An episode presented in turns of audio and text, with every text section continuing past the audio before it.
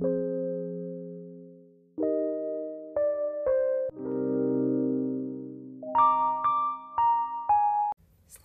pagi masyarakat berkesah. Selamat pagi semuanya. Selamat datang di 9 malamet berkesah.id. Yuks. Oke, sebetulnya harusnya take gue duluan, tapi karena aku lagi in the mood for being interviewer, aku akan apa ya? Menumbalkan suaminya. Enggak. Eh, episode ini merupakan episode khusus, episode kedua. Jadi nanti kita podcast langsung keluar dua. Mhm. Itu yang pertama adalah em, interview aku. Aku interview kamu, Iya. Yang kedua adalah interview kamu. kamu interview aku gitu. Iya gitu maksudnya. Weh, barter konsepnya. Oke, jadi biar adil kan win-win solution. Hmm, oke. Oke, em, dimulai dari awal nih. Ahmad Rizkata Ih, Suaranya jangan Ramadan. ngantuk-ngantuk banget, agak semangat dikit. Nggak bisa, Ah, emang soalnya gitu ya? emang kayak gitu konsepnya. Oke. Kamu kenapa bing jaji sama aku? Ahmad Rizkata Ramadan.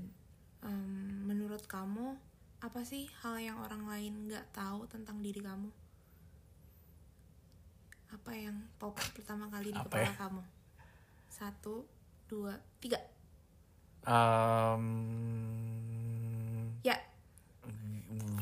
uh, I think um, soft, I guess. I don't know. Um, I think I think that nggak sih sebenarnya kayak I think uh, image gue imageku keluar tuh lebih yang kayak ya you know lah karismatik segala macam gitu. Tapi I think deep down inside I'm also have I also have bapak-bapak bego side, you know.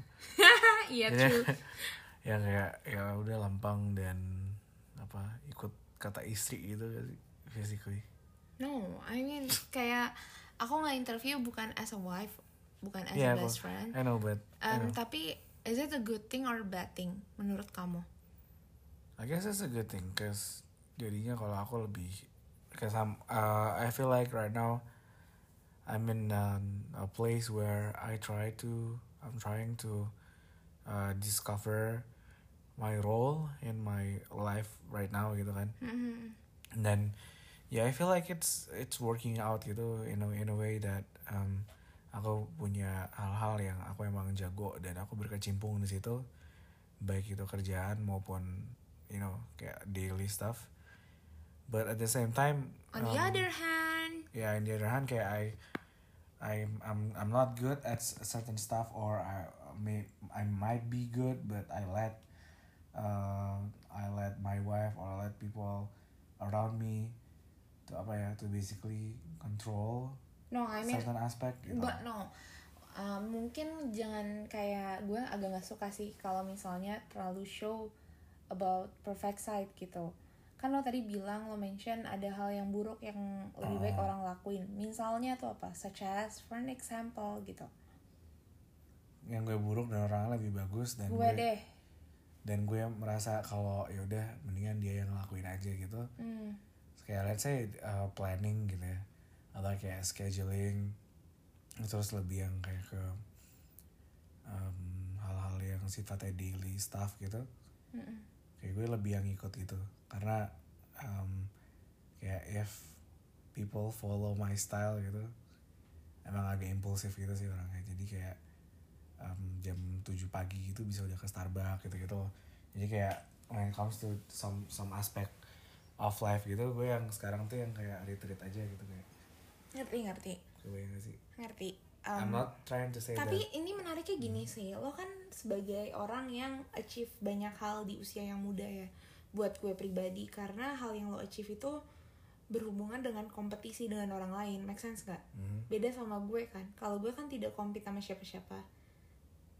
Kayak gue made from a scratch gitu loh. Ya. Sementara kalau lo kan um, kompetisi gitu. Tapi lo mention juga kalau lo impulsif gitu. Apa menurut lo treat lo yang membuat lo menang? Karena gue nggak pernah merasa gue berkompetisi. Orang lain dari kacamata luar mungkin ngelihatnya Kompetitif. I was in a in a very competitive environment gitu ya. Mm-mm. tapi gue ke dalam diri gue sendiri dan apa yang memotivasi gue bukan hashtag kompetisinya cuman lebih kepada how I pave my way dan how I create apa ya people to compete with me. Kebayang gak sih? Ngerti. Kayak sebetulnya uh, when it comes to perambisan duniawi gitu Mm-mm. people also have ya kiblatnya beda-beda gitu kan oh ini langsung Dan masuk kayak sebentar gue gue nggak nggak mau ke kiblat yang mana-mana kayak gue bikin hal-hal baru sendiri dan sekarang hal-hal baru gue ini masih ada juga dan orang-orang mulai ngejar apa yang gue bikin gitu Nah, buat orang yang nggak tahu disclaimer bisa nggak uh, tuh? lo bisa jelasin gitu apa sih yang lo buat gitu? Mungkin kan banyak juga pendengar berkesah yang eh masyarakat berkesah yang nggak tahu baru kenal lo dari berkesah gitu loh, Ah, bukan oke. es Mada Ramadan gitu.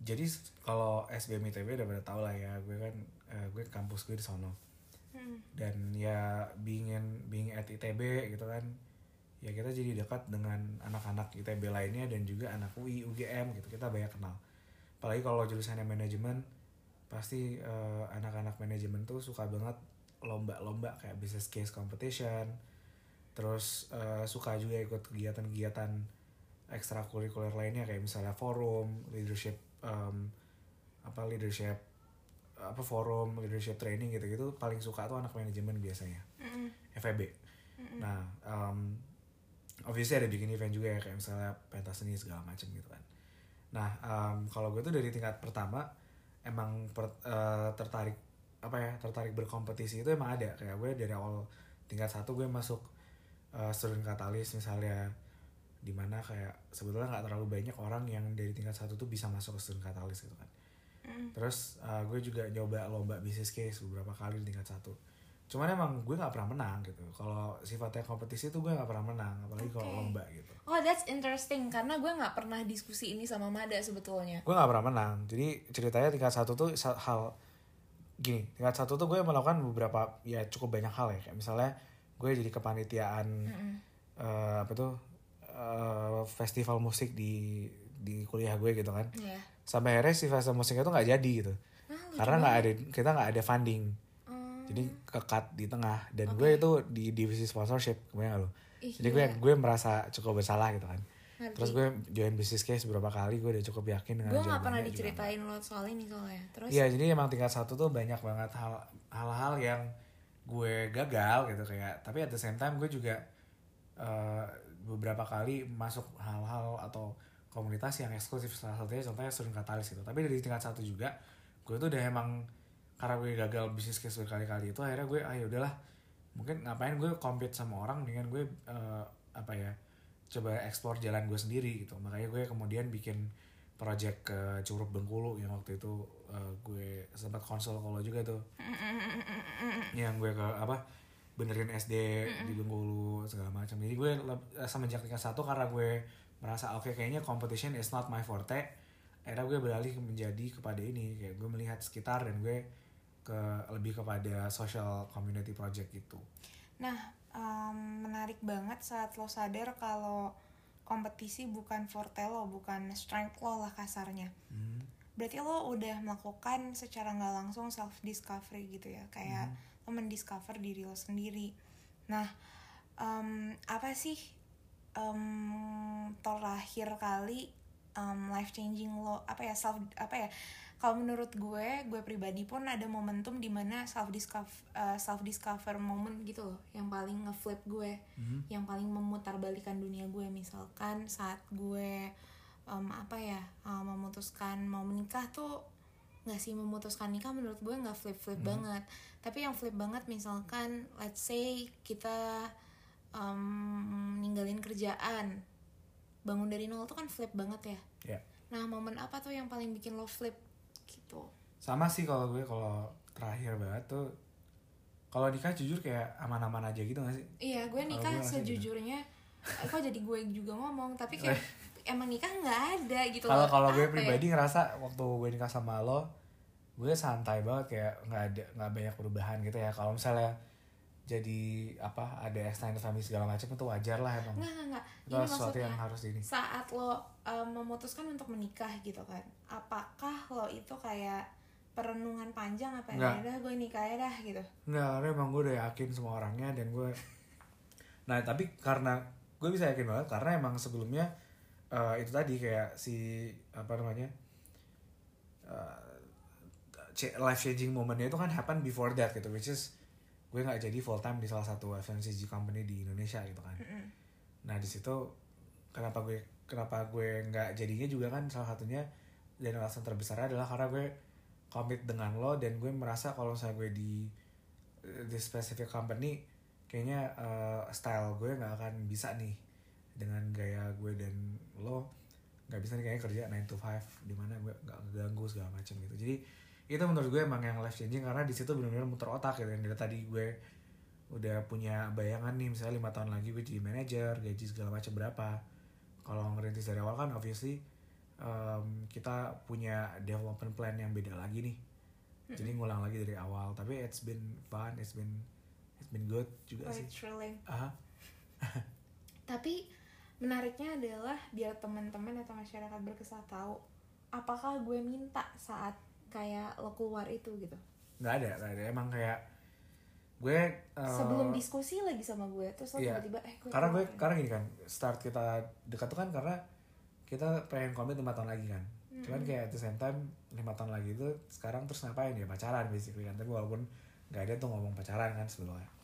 Ya gue mikir aja sih kayak kalau gue kerja di sini gue punya cap nih. Gue sebulan gue akan dapat segini gaya hidup gue harus begini gitu loh. Mm. jadi eh, semua itu udah terkotak-kotakan gitu. Sementara kalau gue sama lo kayaknya possibility-nya banyak banget gitu. Hmm. ini bahkan sebelum berkesah ada gitu kan. Mm. ini belum ada nih lo belum pernah mention berkesah dan emang belum pos pertama si drama taper itu belum dibentuk gitu Mm. iPad aja belum dibeli kayaknya atau udah lupa tapi em, ya gitu kayak gue merasa karena gue udah komit sama nih cewek dan lifestyle kita yang seperti itu Lifestyle-nya gimana? maksudnya gini bukan bukan not not financially speaking ya lebih kepada kayak eh, apa namanya having this uh, style of not wanting to commit to uh, work uh, apa style or a work environment gitu. Kayak gue merasa gue sama Bingka tuh anaknya bener-bener yang uh, freelance sejati gitu. Iya memang. di mana kayak oke um, if you want me to work for you just pay me fairly and I'll work for you gitu. For a certain amount of time gitu.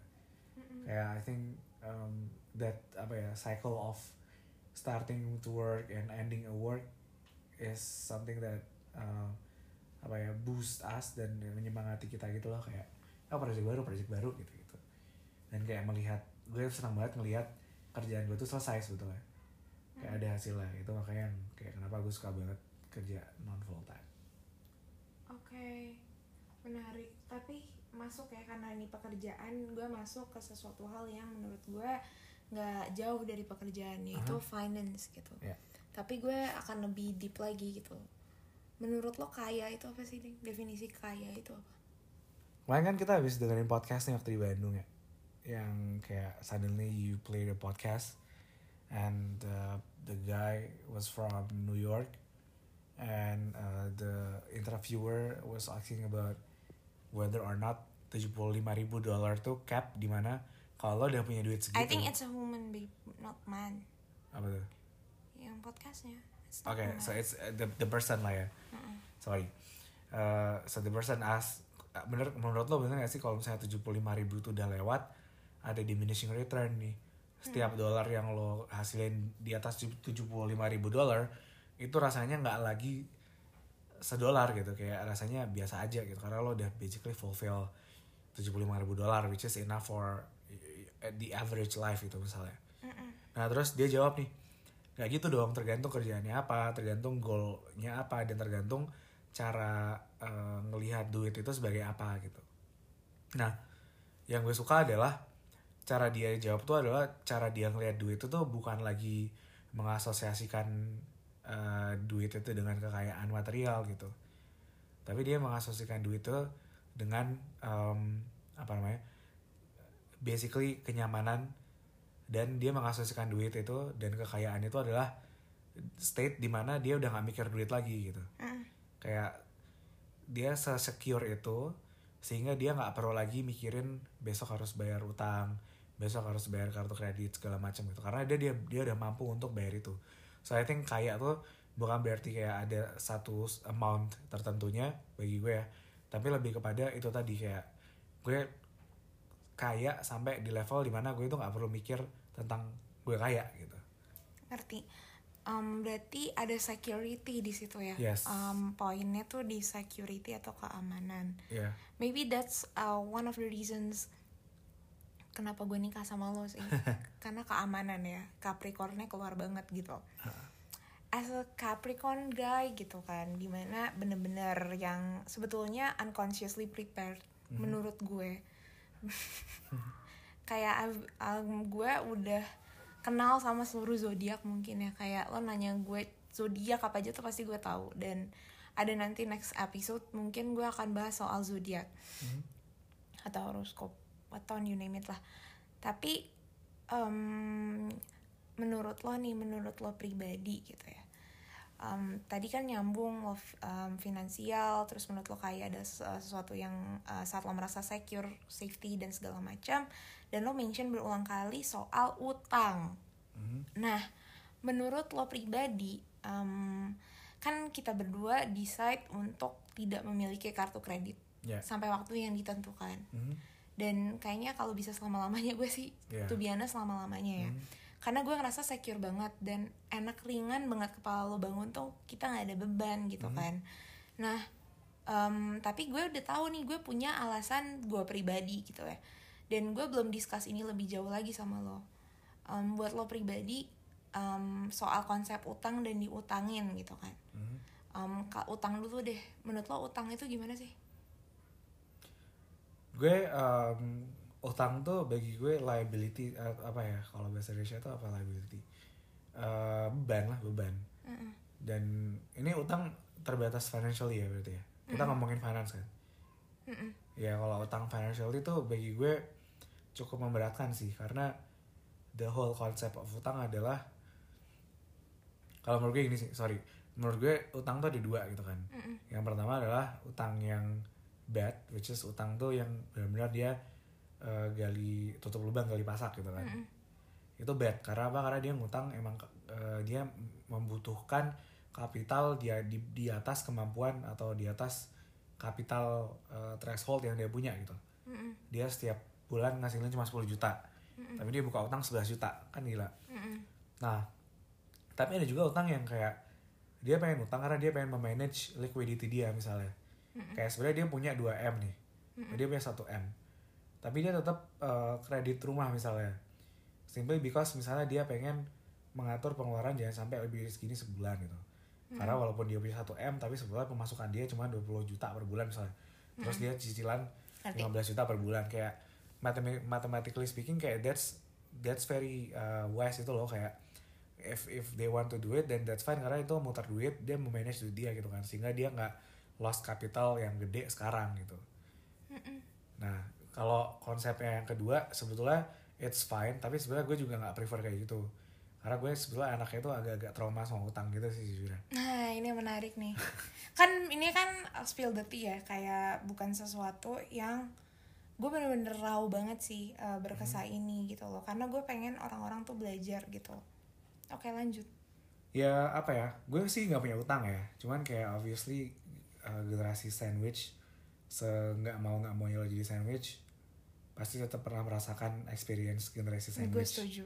Di mana kayak lo tuh uh, punya merasa punya urge untuk ngebantu problem orang tua tapi juga ngerasa punya urge untuk membesarkan adik-adik lo lah istilahnya gampang gitu lah Mm-mm. nah itu gue juga gue, gue merasakan gitu kan dan ya salah satu masalahnya itu utang gitu kayak utang eh, keluarga gue itu karena ya tiga tahun terakhir ini usahanya lagi jelek gitu kan Mm-mm. kayak jadinya eh, ada beberapa ada ada this big utang yang dulu diambil dengan dengan sebenarnya udah kalkulasinya bagus gitu kan kayak ini kalau misalnya usaha kita segini terus sebulannya segini itu bukan hal yang berat bagi kita gitu. Mm-mm. cuma di tengah jalan karena This eh, pandemi. ya pandemi industrinya juga jelek segala macem. Jadinya eh, si apa si ras si utang ini nggak ketutup per bulannya dan akhirnya ya udah kelilit utang. Dan ya I mean I'm still living gitu kan. My family is still living quite nicely juga. Cuman kayak at the same time setiap hari tuh bangun gak enak gitu karena ada utang gitu kan. Dan I know how it feels jadi kayak apa ya makanya bener banget lo bilang tadi kayak bangun tuh mikirinnya utang itu itu memberatkan banget dan kalau kalau menurut gue sih jangan beli sesuatu yang emang nggak nggak mampu sih sejujurnya Mm-mm. kayak ya udah mendingan nggak ngutang sih menurut gue Mm-mm. Dan gue ngerasa ya dengan pelajaran yang kita ambil di sebelum pernikahan begitu banyak ya dari apa pun dari keluarga, lingkungan, teman dan apa pun yang kita lihat gitu. Karena menurut gue salah satu strength kita berdua dan mungkin ini podcast tentang lo ya, tapi gue susah bridgingnya. tapi lo ngerasa gak sih kalau kita berdua tuh lumayan orang yang bisa belajar dari pengalaman orang lain?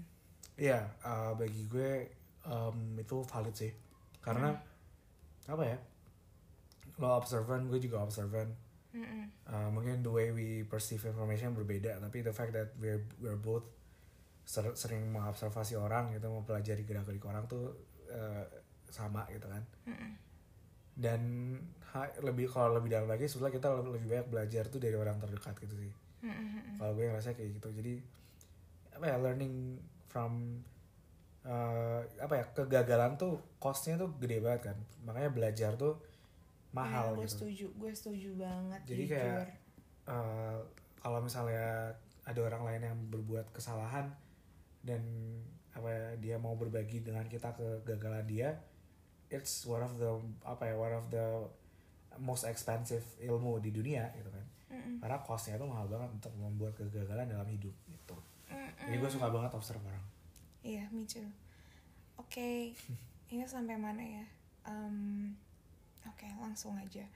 Udah nyambung tadi em, karir, terus finan nikah, finansial, sampai akhirnya keluarga gitu. Mhm. Selama lo hidup 22 tahun ini gitu kan. Mhm. Apa sih definisi keluarga yang sempurna buat lo, Ding? hmm berat banget nih pertanyaan keluarga yang sempurna Yang ideal lah buat lo gitu. keluarga yang ideal Mm-mm.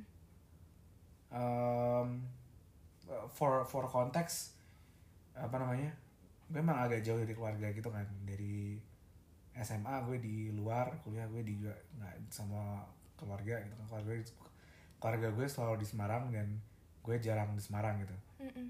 jadi bagi gue sih keluarga tuh apa ya eh, sebuah relationship yang membuat lo tuh punya ini sih punya rumah sih punya naungan gitu Mm-mm. punya naungan tapi bukan berarti lo ada obligasi untuk kayak kemudian apa ya selalu ber, berpaling ke situ gitu. Jadi kayak naungan tuh kan kayak lo punya lo tahu sejauh apa pun lo pergi lo tetap punya nih si keluarga ini untuk lo bisa turn back dan apa ya just have coffee and laughter together gitu loh. Mm-mm. kalau menurut gue sih simpel itu ya. Jadi kayak keluarga tuh menurut gue kayak sekumpulan orang yang memang saling mensupport satu sama lain sih. Committed committed to each other baik itu baik da- uh, dari darah maupun dari lisan ya. Mm-mm. tapi at the same time juga giving seluas-luasnya space untuk satu sama lain untuk ini juga berkembang gitu sih. Oh that means a lot. Gue gitu sih konsep keluarga. Ini interview tersingkat pada jelas yang gue lakuin sih. Sorry tapi um, bisa gue bilang masuk ke topik terakhir karena lo udah bahas keluarga kan. Hah? Um, sebelum lo membentuk keluarga kan lo pasti harus nemuin pasangan Hmm? dan uh, I'm honored kayak I feel glad juga Mhm. ended up sama kamu gitu Mhm. apa sih em, bukan kriteria ya jijik sih kriteria emang sempurna anjir apa sih yang lo lihat kayak oh kayak nih istri gue gitu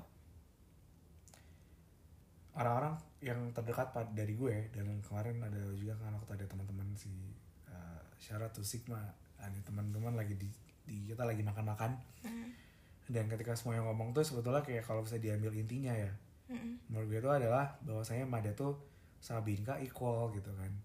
Equal itu bukan berarti kayak beneran yang kayak selevel gitu ya. Tapi lebih kepada kayak saling bisa ngimbangin gitu. Mm, dan kayak istilahnya eh, apa ya dua konsep manusia yang udah whole mm, bertemu gitu. Mm, jadi bukan kayak satu orang ngangkat satu orang lagi tapi lebih kepada kayak dua orang yang udah udah udah udah udah bagus udah baik gitu. Cuma mereka be- berkomitmen untuk berjalan bersama kan gitu istilahnya. Iya gue setuju. Nah itu yang gue suka sih sebetulnya dari dari dari pasangan gue gitu dari dari kamu Binka. Adalah gue nggak merasa gue lebih inferior dari lo dan gue juga nggak merasa gue superior dari lo. Hmm. dan itu means a lot apalagi dari uh, relationship relationship yang lalu gitu kan. Di mana kayak gue merasa ada satu dua hal yang uh, timpang gitu loh. Mm-mm. kayak baik uh, baik professionally atau karir ataupun mau maupun kayak hal lain lah yang ada di aspek-aspek percintaan gitu. Nah kalau gue sama lo tuh uh, gue merasa ini aja sih merasa equal. Dan jadinya mau apa aja tuh enak gitu loh karena sepemikiran juga. Kayak gue merasa kita punya cara pandang hidup yang gue nggak mau bilang sama but at least sejalan. sejalan dan saling bisa respect kalau kalaupun ada perbedaan gitu sih. Nah, ini pertanyaan random ya, tapi menurut gue it, uh, ini bisa nge-reveal banyak banget tentang seseorang, tentang kamu gitu. Kalau kamu disuruh, um, ini gue nggak bilang di hutan atau di mana gitu ya, tapi hidup aja deh gitu ya. Um, sebutkan lima hal yang kamu nggak bisa hidup tanpa itu gitu. oke. Eh, ini benda atau orang? Cepetan anything. yang pertama kamu. Itu udah kayak eh, auto lah ya. Dan bukan auto sih pakai pikiran pertama kamu. Yang kedua pisau sih. Eh, Swiss Army knife tau gak sih itu kayak itu kepikiran di gue yang ketiga korek api to make fire. Yang keempat um, I would say eh, Yang pop pertama kali di pikiran kain sih kain. Oke. kain karena obviously kayak need kain. Terus yang ketiga I guess uh, pen and a book sih yang sepaket gitu, kayak jurnal gitu. Tahu.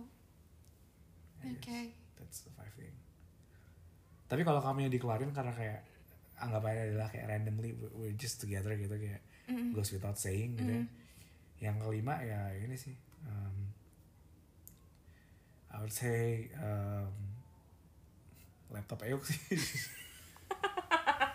laptop plus charger dan Iya. unlimited battery life gitu ya uh-uh. oke quite interesting sih itu um, reveals a lot banget sih menurut gue. Apa yang dibaca kalau gue nangkepnya seandainya ada orang ngomong kayak gitu berarti lo orangnya itu suka security obviously. Karena semua itu bisa menyakiti bahan yang lo pakai gitu kan.